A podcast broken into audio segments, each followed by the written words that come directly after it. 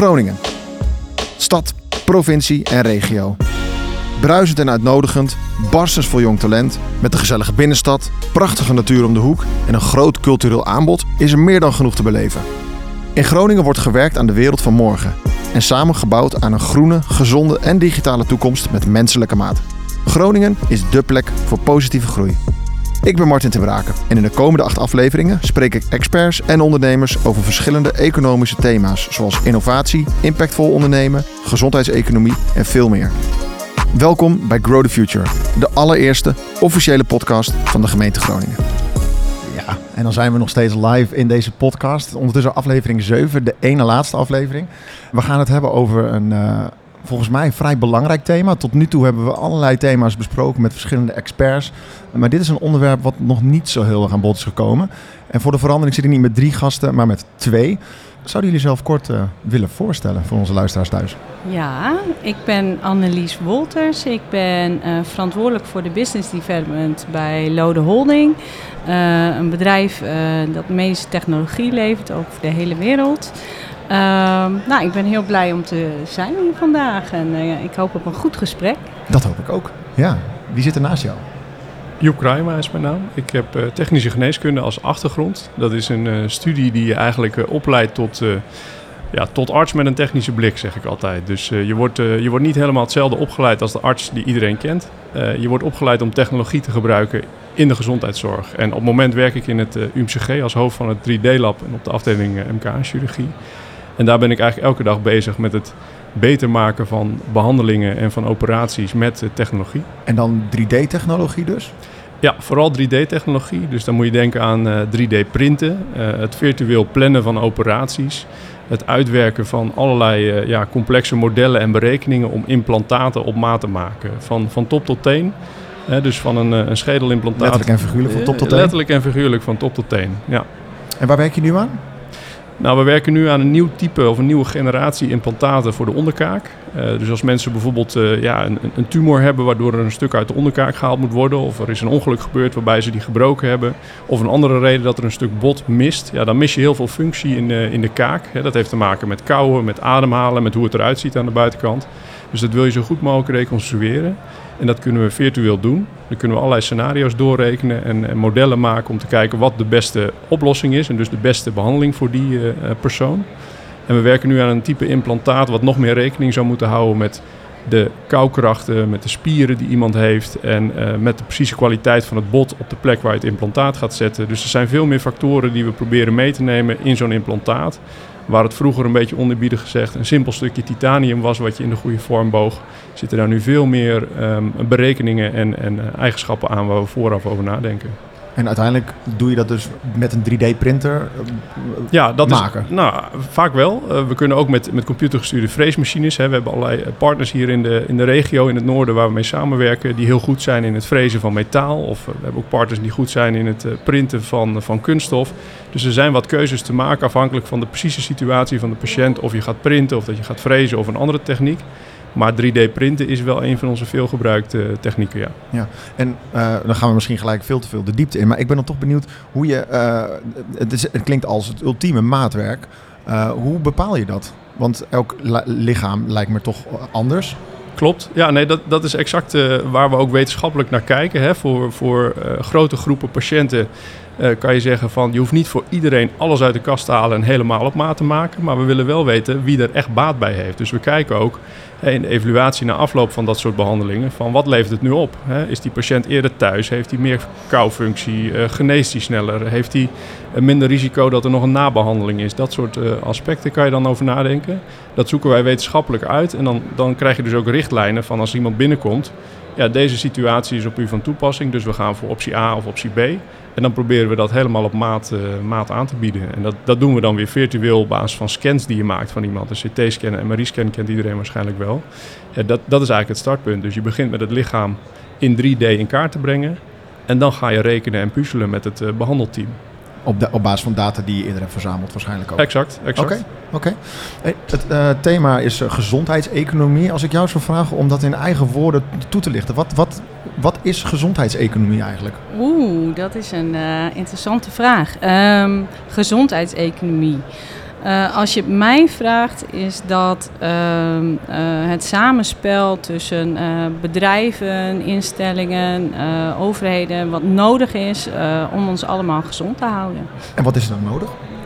wat er nodig is, is nou aan de basis staat, uh, uh, is het uh, iemand die ja, zich beter wil voelen, zich goed wil voelen en die daarin gehinderd wordt, op wat voor reden dan ook, en daar hulp bij nodig heeft. dan wel van medici of andere paramedici. En dan die medici of paramedici gebruiken allerlei middelen om, om deze persoon helpen zich beter te voelen. Ehm, en uh, die middelen kunnen ook uh, technologie zijn van bijvoorbeeld ons bedrijf of uh, software of wat Joep net toelicht. Hè, 3D geprinte kaakonderdelen. dus dat, dat is een beetje hoe ik het voor me zie, zeg maar. En uh, ja, uh, al deze technologieën en dingen zijn er natuurlijk niet uh, zonder dat ook de salarissen betaald moeten worden van de mensen die daar heel hard aan werken en die al deze ideeën bedacht hebben. en daarom gaat er ook veel geld mee gemoeid. Wat het uiteindelijk dus een economie maakt. Juist, ja, ja, ja. ja. Hey, en als ik het goed heb, is Lode Holding een, eigenlijk een, een groep van bedrijven. Dat toch? klopt, ja. Kun je er wat meer over vertellen? Ja, zeker. Uh, het is een groep van bedrijven, het is een familiebedrijf. Ik uh, neem uh, als eerste generatie het bedrijf over anderhalf jaar van mijn vader over. We bestaan 75 jaar. ons kern van het bedrijf en ook oudste bedrijf is een bedrijf in ergometrie. Uh, en dat is uh, het merk Lode, is uh, internationaal bekend. en ergometrie is zoveel als heel secuur meten aan je lijf terwijl je in beweging bent. Want als je beweegt heb je andere reactie van je lichaamsfuncties dan als je niet beweegt. En ja, die technologie is ooit bedacht door de heer Frederik Lode. hier in Groningen verbonden aan de universiteit, het universitaire ziekenhuis. En uh, ja, dat staat eigenlijk nog steeds uh, als een paal boven water. Alleen uh, inmiddels is dat natuurlijk veel technisch vernuftiger en vergezeld van allerlei ondersteunende software. En allemaal te koppelen sensoren, waardoor je ja, hele uitgebreide metingen kunt verrichten. En, en dit is een heel duidelijk voorbeeld van waar het bedrijf is ontstaan. Ondertussen is het ja. dus een groep. Ja. Wat valt er nog meer onder die groep? Uh, nou, zelf ben ik uh, directeur van twee van de dochterondernemingen, een ICT-bedrijf uh, die allerlei IT levert aan eigen bedrijven, maar ook aan eigen klanten, bijvoorbeeld aan arbodiensten, die ook metingen verrichten als ze keuringen doen bij bijvoorbeeld brandweermannen of politieagenten. Um, er zit een bedrijf, uh, uh, Lode distribueert via distributeurs over de hele wereld hun producten. En de eigen distributeur voor de Benelux hebben we in huis. En die doet het merk Lode en daarnaast nog tal van andere uh, meetapparatuur om een heel lab uh, in te richten. Zoals bijvoorbeeld een bewegen- en inspanningslab van een revalidatiecentrum. Maar ook van uh, topsportzorgcentra bijvoorbeeld. Ja. In eerdere afleveringen heb ik het gehad over samenwerking. En het, uh, in een andere aflevering ging het over het delen van data. Dat bedrijven dat wat meer zouden moeten doen. Ja. Is dat een voordeel van, voor jullie als, als groep? Dat jullie onderling uh, heel actief wellicht uh, ervaring kunnen uitwisselen, data kunnen uitwisselen? Ehm, nou, uh, dat ligt wel aan wat voor data. Uh, dus zeg maar als het gaat om technische data of technische gegevens. Hè, onze groep is, uh, ja, heeft een onderlinge synergie en hebben wel allemaal een eigen focus. Dus het zou ook één bedrijf kunnen zijn. maar doordat je het als BV's inricht met een eigen focus, ja, kun je meer impact hebben voor uiteindelijk die patiënt. Maar data delen van bijvoorbeeld patiëntgegevens die jou in vertrouwen gegeven zijn als BV, dat kan natuurlijk nooit. Nee, dus nee, dat kunnen wij onderling uh, niet doen. maar uh, doordat we uh, een groep zijn, hebben we wel veel meer kennis in huis waar je op terug kunt vallen dan, dan dat je anders zou hebben. Jij bent veel bezig met, met, met innovatie. Ja, ja, ik denk zelfs dat het het bestaansrecht is van het 3D-lab, de afdeling waar ik het hoofd van ben. Dat, dat je zegt van ja, innovatie, wat we vooral doen is het proberen te verbeteren en te vernieuwen van behandelingen met behulp van technologie. En dat is dus heel breed. Um, 3D-technologie, maar ook allerlei andere uh, technologie. Wat meer gaat over augmented reality of over artificial intelligence. Hè. Dat zijn allemaal instrumenten, maar wel technologie om, om nog beter zo'n behandeling te kunnen doen bij de patiënt. Kun je voor de mensen die dat misschien niet kennen, augmented reality, kun je dat kort toelichten en misschien ook met een praktijkvoorbeeld hoe jij dat gebruikt?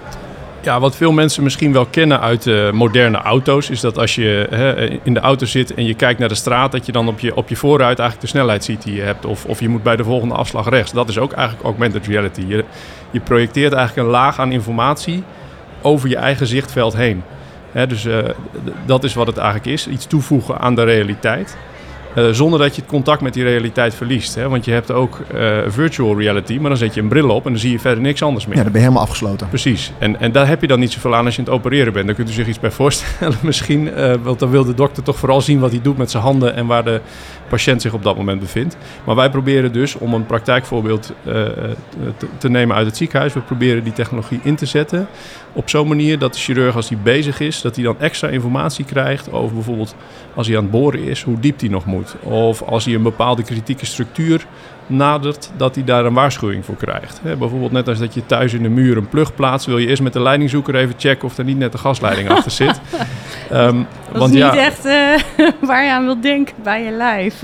Nee, maar ja, een, nee, een bloedvat is dan toch uh, heel erg vergelijkbaar in die zin. En die kan je soms zien, dus dan hoeft het niet. Maar soms kan je hem ook niet goed zien. Of een zenuw of, of een andere kritieke structuur. Dus daar kan je dan voor waarschuwen met dit soort technologie. En soms kunnen wij met een 3D geprint hulpstuk heel mooi de instrumenten van de chirurg geleiden. Hè? Dus dat je zeg maar een, een, stukje bot hebt waar je een stukje af moet halen om het symmetrisch te krijgen, ik zeg maar wat. Ehm, dan kun je er een malletje op leggen die geprint is van plastic. Daar kan je dan uh, doorheen uh, boren of langszagen met je instrument. Nou, dan, dan ben je heel erg um, guided bezig. Hè? Guided surgery noemen we dat. Maar je kunt niet altijd zo'n malletje erop krijgen. Dus dan kan het soms mooier zijn om met augmented reality, dus met zo'n bril op, uh, je beeld eigenlijk te versterken met diezelfde informatie. En dan projecteer je het. Dus dan moet je heel goed kijken, maar dan heb je in ieder geval extra informatie over hoe diep je moet zagen of onder welke hoek. Nou, dat is best wel ingewikkeld om dat goed te krijgen, want er zitten natuurlijk heel veel soorten structuren als je aan het opereren bent. Dat verandert ook als je aan het opereren bent, want het wordt bewogen of er komt een beetje bloed of een beetje vocht. Dus dat is allemaal best ingewikkeld om dat goed te krijgen. Dus daar is heel veel onderzoek voor nodig. Maar we zijn daar in het UMCG best ver mee. En we werken daarin ook samen uh, met bijvoorbeeld de Rijksuniversiteit, uh, die ons helpen om software te ontwikkelen. Dus zo zoeken we allerlei dwarsverbanden om dat goed uh, te kunnen toepassen. En je zegt dat we daar best wel ver mee zijn. Zouden jullie zeggen dat Groningen een voorloper is qua gezondheidseconomie? Oeh, gezondheidseconomie is enorm breed. Maar ik zou zeggen, we hebben hier wel de sfeer en de partijen aanwezig. waar we op onze domeinen echt ja, gewoon alles in huis hebben om, om een koploper te zijn. Ja. En beschrijf die sfeer dus als je wil. Uh, nou, dat is een sfeer van samenwerking. Uh, je hebt hier alles vertegenwoordigd. De wetenschap, uh, innovatieve bedrijven, start-ups. je hebt ook, ja, we zijn op hele veel manieren verenigd. Dus je hebt als ecosysteem, zeg maar, heb je alle ingrediënten. En je hebt hier het talent van morgen rondlopen. Uh, niet onderschatten, denk ik, wat de kracht is van stagiaires in een bedrijf uh, voor je innovativiteit. Die brengen nieuwe ideeën met zich mee, nieuwe technieken. Uh, en ja, dat, dat talent kun je ook weer naar binnen hengelen als je ze eenmaal hebt leren kennen. Dus ik denk dat wij, ja, en we hebben ruimte. Hè? Mensen kunnen hier gewoon een huis nog kopen. En dus we hebben ook ja, wel een belangrijke set aan voorwaarden hier om nog heel veel te kunnen. Een goed klimaat. Ja, ja, ja, ja, dat denk ik wel. Ja, en toch ook wel, ik weet niet hoe jij dat ervaart, Joep, maar toch ook wel een beetje eigenwijze noordelijke mentaliteit van... Ja, we gaan het gewoon doen. Ja, dat denk ik wel. ja, ja, ja. dus als ik kijk naar een mooi voorbeeld uit onze praktijk is de prehabilitatie. Dat is uh, heel simpel, als je probeert fitter te worden voordat je een operatie hebt, dan kom je er ook weer fitter uit. minder lichtdagen, minder complicaties is al wetenschappelijk aangetoond. Nou, wij merken dat het hier met zowel het UMCG komen samenwerken tot stand om dat gewoon in de praktijk te gaan brengen. Ook al ja, is de bekostiging nog niet rond. Ook al doet is wetgeving nog een uh, flinke horde die genomen moet worden. Uh, Nijsmellingen, Drachten is ook een ziekenhuis die daarvoor voor open staat. ja, de Hans Hogeschool doet een duit in het zakje.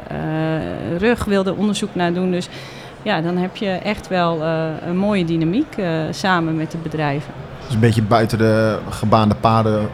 Ja, dat is wel nodig voor innovatie, ja. Want het is een beetje, ja, je hebt zo'n kringetje, hè, wanneer, wanneer, eh, kijk, je moet wel iets een keer proberen om te weten of het werkt. En uh, uh, dat kun je niet alleen maar in een labsetting doen. Je kunt daarin wel heel ver gaan, maar op een gegeven moment moet je met echte mensen. Moet je het gaan testen? In echte, en zeker in thuissituaties, die kunnen natuurlijk enorm variëren. Dus uh, ja, dan, hè, net zoals de kaak van iemand enorm kan variëren hoe iemand eruit ziet ja, dan, dan moet je toch gaan proberen en, en leren van je fouten. En, uh, en, en hoe bedoel je dat dan, de thuissituatie? Wat bedoel je daarmee? Nou, de rehabilitatie uh, waar wij Enabling Technology voor hebben, uh, bestaat al. Dat is in de kliniek wordt dat al ingezet. Dat heet een klinische setting. maar daar heb je onder controle van de behandelend arts. die kan opletten of het wel goed gaat met je. Nou, als je een stuk dat soort zorg voor hele kwetsbare mensen... die ook echt serieus iets onder de leden hebben verplaatst naar de thuissituatie. En je gaat bijvoorbeeld op afstand monitoren, hè, dat kan uh, in het kader van rehabilitatie met uh, bijvoorbeeld Fit for Cure, ja, dan neem je wel afstand van een stukje veiligheidsgevoel wat er is doordat het in de klinische setting plaatsvindt. Als iemand dan uh, ja, toch complicaties krijgt, dan staat er zo een team van specialisten uh, bij je. Als ze tenminste er zijn. Want er is enorm krapte natuurlijk uh, op de arbeidsmarkt. Maar uh, ja, voorlopig functioneert dat nog zo. maar als iemand ja, gewoon eigen regie over zijn zorgproces kan nemen... door thuis veel meer te doen om te zorgen dat die operatie succesvoller wordt... Uh, ja, dan zijn mensen ook vaak gemotiveerder en uh, voelt dat heel goed uh, om te doen. Maar het is wel echt anders, zeg maar, in huizen. Denk alleen maar aan stabiele wifi. dat moet je dan wel hebben. ja, ja, ja. Dus schuilt daar misschien ook een, een, een, een beetje een oplossing in voor de toekomst misschien? Wat je zegt, hè, krapte op de arbeidsmarkt. als mensen misschien dat soort Rehabilitatie, zei je? Ja, Thuis gaan doen? Ja, rehabilitatie, ja, dat is eigenlijk de zorg voorafgaand aan een operatie. Hè? Dus een beetje een moeilijk woord, maar ja, het geldt eigenlijk voor elk live event. En ook daarna, hoe sneller je weer beweegt en gezond eet, hoe, hoe, hoe sneller het beter met je gaat. En hoe minder de druk op de zorg. Ja, dat uiteindelijk is, uh, zal worden. Ja, ja, zeker voor een categorie mensen is dat al heel erg duidelijk aangetoond. Dat de business case er absoluut is voor BV Nederland. En welke categorie mensen hebben we het dan over? Uh, dat hebben we mensen met uh, complexe zorg, maar die nog niet te slecht zijn om zelf te kunnen bewegen. Dus het zijn niet de mensen die zelfstandig even een rondje kunnen hardlopen. maar het zijn wel de mensen die nog op een fietsergometer kunnen zitten en een trainingsprotocol kunnen, kunnen doen. Ja. Zeg, als we het hebben over, over innovatie, ik, ik denk dan, uh, ik, ik stel me dan zo voor dat je iets bedenkt met, uh, met een aantal slimme koppen in een, uh, in een lab of ja, in ieder geval bij jullie op, op werk. Um, hoe hou je in de gaten dat er op andere plekken ter wereld niet iemand bezig is met hetzelfde? Dat je met z'n allen eenzelfde wiel aan het uitvinden bent?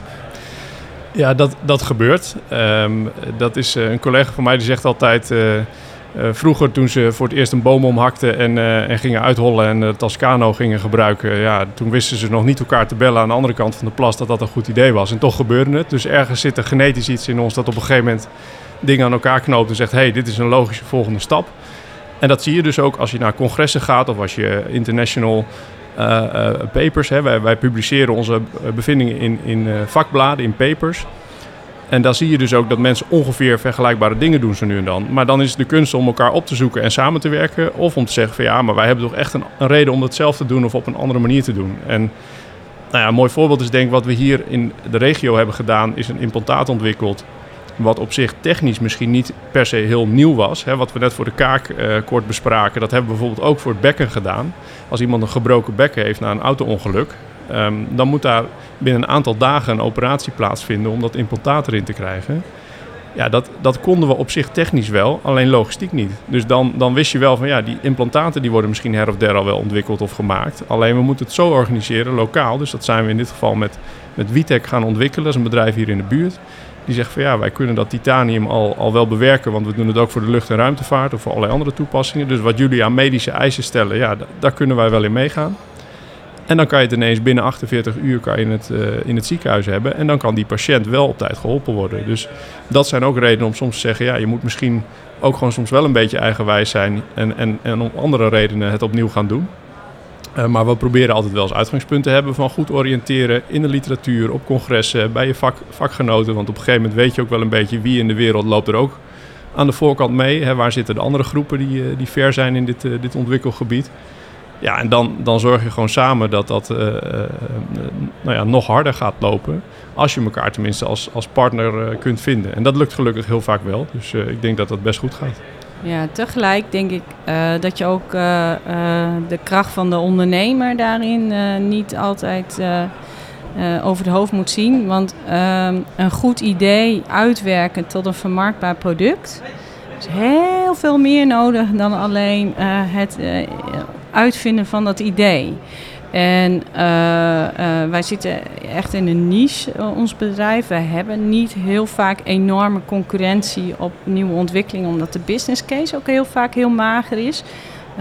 dus met samenwerking, subsidies, hè, komen wij uiteindelijk zover dat het op de markt te brengen is. En dan nou ja, blijkt dat er vaak toch wel meer toepassing voor is dan van tevoren bedacht. Uh, maar uh, uh, je hebt ook gewoon je marketing op orde nodig. Als je klanten begint te krijgen, die hebben allemaal vragen. Dan moet je een helpdesk hebben. Als je software hebt, dan doet hij het soms niet. Mensen lukt het soms niet om in te loggen. je kunt het zo gek niet bedenken. Of je moet je service, je ondersteunen, je moet het eiken. Je moet, en heel veel bedrijven redden die fase niet. Dus dat is echt die scale-up fase. Nou, ook daar is in Groningen zijn de voorwaarden ook wel weer optimaal. Dus ontzettend veel hulp. Als je van uh, idee naar uh, ja, een fase verder wilt. Uh, en heel veel expertise waarbij ervaren ondernemers ja, de wat minder ervaren ondernemers bij de hand nemen. Ja, en dan help je historie ook wel echt. Dus zeg maar dat wij 75 jaar bestaan. maakt dat je het allemaal al wel een keer hebt meegemaakt. En ook wel eens in valkuilen getrapt bent en daarvan geleerd hebt ja, als er dan iemand anders op de wereld ook dat idee heeft, dan nou ja, is onze reactie vaak, nou, eerst maar zien hoe ver ze dan komen. Uh, want het is maar de vraag of ze de eerste vijf jaar gaan overleven, zeg maar. Uh. En als ik je goed begrijp, is Groningen dus qua klimaat, uh, ja. en, en misschien wel deels ook dankzij jullie, Oh, ja, wie weet. Ja, dat, dat, dat, daar zetten we ons wel voor in. Ja, ja want jullie hebben die historie natuurlijk ook. Ja, zeker. Ja, nee, maar wij, wij proberen daar een hele actieve rol in, uh, in te nemen. Uh, ja. Ik kan me zo voorstellen dat er dan iemand met een idee komt. Ja. En dat je denkt van nou, als jullie dit succesvol willen maken, want ja. je ziet ergens potentie in, dat je dan ja. je eigen hulp aanbiedt als het ware. En dat je zegt, kom bij ons in de groep. Ja, en dat gebeurt nu ook uh, steeds georganiseerder. Een van de manieren om dat te doen is bijvoorbeeld bij een samenwerkingsverband Hattrick of via Live Life Cooperative. Er zitten alle life science uh, bedrijven uit het noorden uh, zijn daarbij aangesloten. Wat is life science? Co uh, cooperative, dat is ja, de club van life science bedrijven die samen ook... Levenswetenschap. ja, die samen meer kunnen dan dat ze alleen zouden kunnen. Dus bijvoorbeeld de, de krapte op de arbeidsmarkt raakt ook onze bedrijven hè, de War for Talent, laten we dan samenwerken om te kijken wat we daarin kunnen doen. Dan allemaal alleen gaan vechten voor die ene opvullen van de vacature. Maar zo, zij hebben ook een, uh, ja, een, een, een, een, groep van ervaren ondernemers die de, die, die, de kleinere, jongere bedrijven uit de groep uh, van advies voorzien. Uh, ja. Joep, hoe zorgen jullie ervoor dat dingen die jullie bedenken betaalbaar zijn voor patiënten? En... Ja, dat is een, een goede vraag. Um, wat, wat innovatie kost altijd geld, denk ik. Hè? En de kosten gaan voor de baten. Dus je moet ook altijd wel zorgen dat je um, een structuur hebt waarbij je bepaalde risico's kunt nemen. Want niet alles lukt. Dus ja, eh, dat gaat dan toch vaak um, gepaard met uh, onderzoekssubsidies en uh, met samenwerking met verschillende partijen die erin geloven en die erin willen investeren. Dat is zeg maar de aanloopfase. En dan is, is ja, het punt waarop we aankomen van nou, nu moeten wij aantonen dat iets werkt en bij welke groep moet je het wel en bij welke groep moet je het vooral niet toepassen. Dat is denk ik heel belangrijk als eindpunt van een kennisinstelling of een, of een groot ziekenhuis waar ik werk. Dat je die informatie weet te verzamelen. Um, en dan kom je daarna op het punt, als het vermarktbaar is, ja, dat je echt de ondernemers nodig hebt om dat voor elkaar te krijgen. Ik denk zelf niet dat dat iets is wat typisch bij een ziekenhuis uh, thuis hoort. Ehm, wat wel typisch bij een ziekenhuis thuis hoort, is natuurlijk het gesprek aangaan met ook de zorgverzekeraar en, en de beleidsmakers. Van ja, is dit nou echt the way to go? Is dit de nieuwe standaard? En waarom dan? En waar blijkt dat uit? En die data moeten wij genereren en voor dat soort gesprekken. Dus nou ja, dat is vooral denk ik waar wij goed in zijn. En of iets betaalbaar is, ja, dat, dat is in, in de zorg hè, van hoeveel gezondheidswinst levert het op versus wat zijn de extra kosten. Dat is bijna een maatschappelijke discussie. Uh, maar we zorgen natuurlijk wel voor dat je dat goed tegen elkaar kunt afzetten. Dit was de conventionele methode en dit is wat wij nu veranderd hebben. Dat levert in die zin zoveel op. Tijdwinst of uh, gezondheidswinst in termen van hoeveel functie krijgt iemand terug, hoe lang moet hij in het ziekenhuis blijven, hoeveel nabehandeling heeft hij nodig. Dat soort dingen kunnen wij data over genereren. En het kost zoveel euro extra of het kost uh, zoveel euro van een andere professional extra en minder van een chirurg. Hè? Want dat soort vergelijking kan je ook maken. Als, als ik een bepaald aantal uren ergens aan moet werken, ja, kost dat ook een bepaald bedrag. Maar als die operatiekamer daardoor een half uur eerder uh, leeg is of dicht kan, ja, dan heeft dat een heleboel, levert dat een heleboel geld op in die zin. Maar het is best wel ingewikkeld om dat voor één product heel specifiek uh, inzichtelijk te krijgen. Lijkt me sowieso wel moeilijk als je het hebt over zo'n innovatie om dan te gaan berekenen wat dat. het, is, het, is, het is gissen, toch? Voor een groot deel, lijkt me. Ja. Over wat het, wat het in de toekomst kan, kan gaan opleveren. Ja, dus je moet wel een plan hebben. Ik denk, je moet niet zomaar als een soort spielerij een nieuwe techniek eens even gaan inzetten en kijken, we vinden wel iets waar het, uh, waar het uh, baat heeft. Nee, je moet wel een een, een overkoepelend plan hebben voor welke groep, welk probleem van welke patiënt los ik op, of welk maatschappelijk probleem, welke impact kan ik ermee bereiken. En, en daar wordt ook wel heel kritisch naar gekeken als je bijvoorbeeld onderzoekssubsidies verwerft. Hè, dat je de societal impact, zoals dat dan zo mooi heet, goed beschrijft. Of, of dat je de geschatte uh, toegevoegde waarde in, in, in termen van wat ik net allemaal noemde, uh, van tevoren probeert in te schatten. En als je daar niet goed over nadenkt, ja, dan is het eigenlijk ook geen goed idee om met zo'n project te beginnen, denk ik. Nee, tegelijk geloof ik ook wel heel erg in de kleine stapjes vooruit. Uh, uh, hè, dus en en. Uh, dus niet als tegenstelling van wat, wat Joep zegt, maar heel veel innovaties die uit onze koker van ons bedrijf komen, die zijn begonnen met studentenprojectjes. Student na student na student die een idee verder heeft gebracht. Uh, en dan een samenwerking met een wetenschapper die zich er ook in wil verdiepen, die daar nog weer een nieuwe kennis over vergaart. En nou, soms wel gewoon jaren dat zo'n uh, idee rijpt en steeds weer aan verder wordt. En dan op een gegeven moment uh, komt de financiering om het tot het eerste prototype te brengen. nou, hè, zo elke keer weer stapje, stapje, stapje. soms duurt het wel acht jaar voordat dan daadwerkelijk het model wat je op de markt brengt uh, echt uh, ja, helemaal klaar is. Ja, en dan is het, is, als je dan kijkt hoe moeten we dat dan beprijzen, en dat is ook een kwestie van vraag en aanbod. Van wat hebben je klanten daarvoor over? Wat, wat, wat kunnen ze voor ruimte maken in hun budgetten om, uh, om dat te betalen? En dat is gewoon ken je klant. wees in goed contact met je klant. En die vertellen je dat gewoon van, nou ja, uh, hè, dit is het ons waard. Uh, en met klanten bedoel je dan ziekenhuizen, zorgverzekeraars? Ja, of? ja, want het zijn ook vaak je samenwerkingspartners die je nodig hebt om je product te valideren bijvoorbeeld. Dus, uh, dus dat is dan nou niet dat je samen de prijs bepaalt. Wij weten natuurlijk wel wat de kostprijs is. Hè, we weten ook hoeveel per jaar we moeten ervan moeten verkopen om, uh, om uh, ja, te kunnen blijven voeren, het product. Het heeft certificeringskosten enzovoort enzovoort. Maar dan on top of van hoeveel ruimte er is om ook uh, als ondernemer nog geld te verdienen. Ja, daar zijn wel op een gegeven moment ervaringscijfers en wetmatigheden en klantinformatie voor. Dus als je je markt goed kent, ja, dan kun je daar wel echt een goede prijsstrategie op, op inzetten. Het uh, thema van uh, de, niet alleen de beurs, maar ook uh, deze podcast is de wereld voor morgen. Het Groningen ja. van de toekomst. Als jullie nou eens een, een, een droom zouden mogen uitspreken, wat is iets wat jullie in jullie specialisme het liefst gisteren nog zouden willen imp implementeren of oplossen, hmm. bewerkstelligen? Mag ik eerst? Ja, Zeker. ja, ja. ja. Take the stage. ik zie glimmende ogen. Hier gaan we. Nee, nou ik denk, ik denk wat je zou moeten bereiken is dat je voor iedere patiënt in het noorden, hè, want dat, dat is ons adherentiegebied, ook vanuit UMCG proberen we in de hele noordelijke regio de technisch geneeskundige oplossing te brengen. Dus dat bedoel ik met technologie uh, de oplossing op maat te brengen. En, en dat is nu echt nog niet overal het geval. Uh, wat je al wel ziet is dat wij in staat zijn om met ziekenhuizen in de regio samen te werken. Dat ook patiënten die daar behandeld worden gebruik kunnen maken van de kennis en expertise. eh, van de 3D-technologie en de andere dingen waar we aan werken. Maar dat zou ik echt breed over het hele noorden mogelijk willen maken. En dat kan. Ehm, weet je, bijna alles wat we doen is virtueel, dus de afstand maakt niet zoveel uit. Uh, daar heeft corona ons in die zin ook wel een zetje in de rug gegeven. Dat er heel veel moest op afstand en virtueel. Maar laten we dat nu gewoon blijvend benutten en, en nog een stap zetten.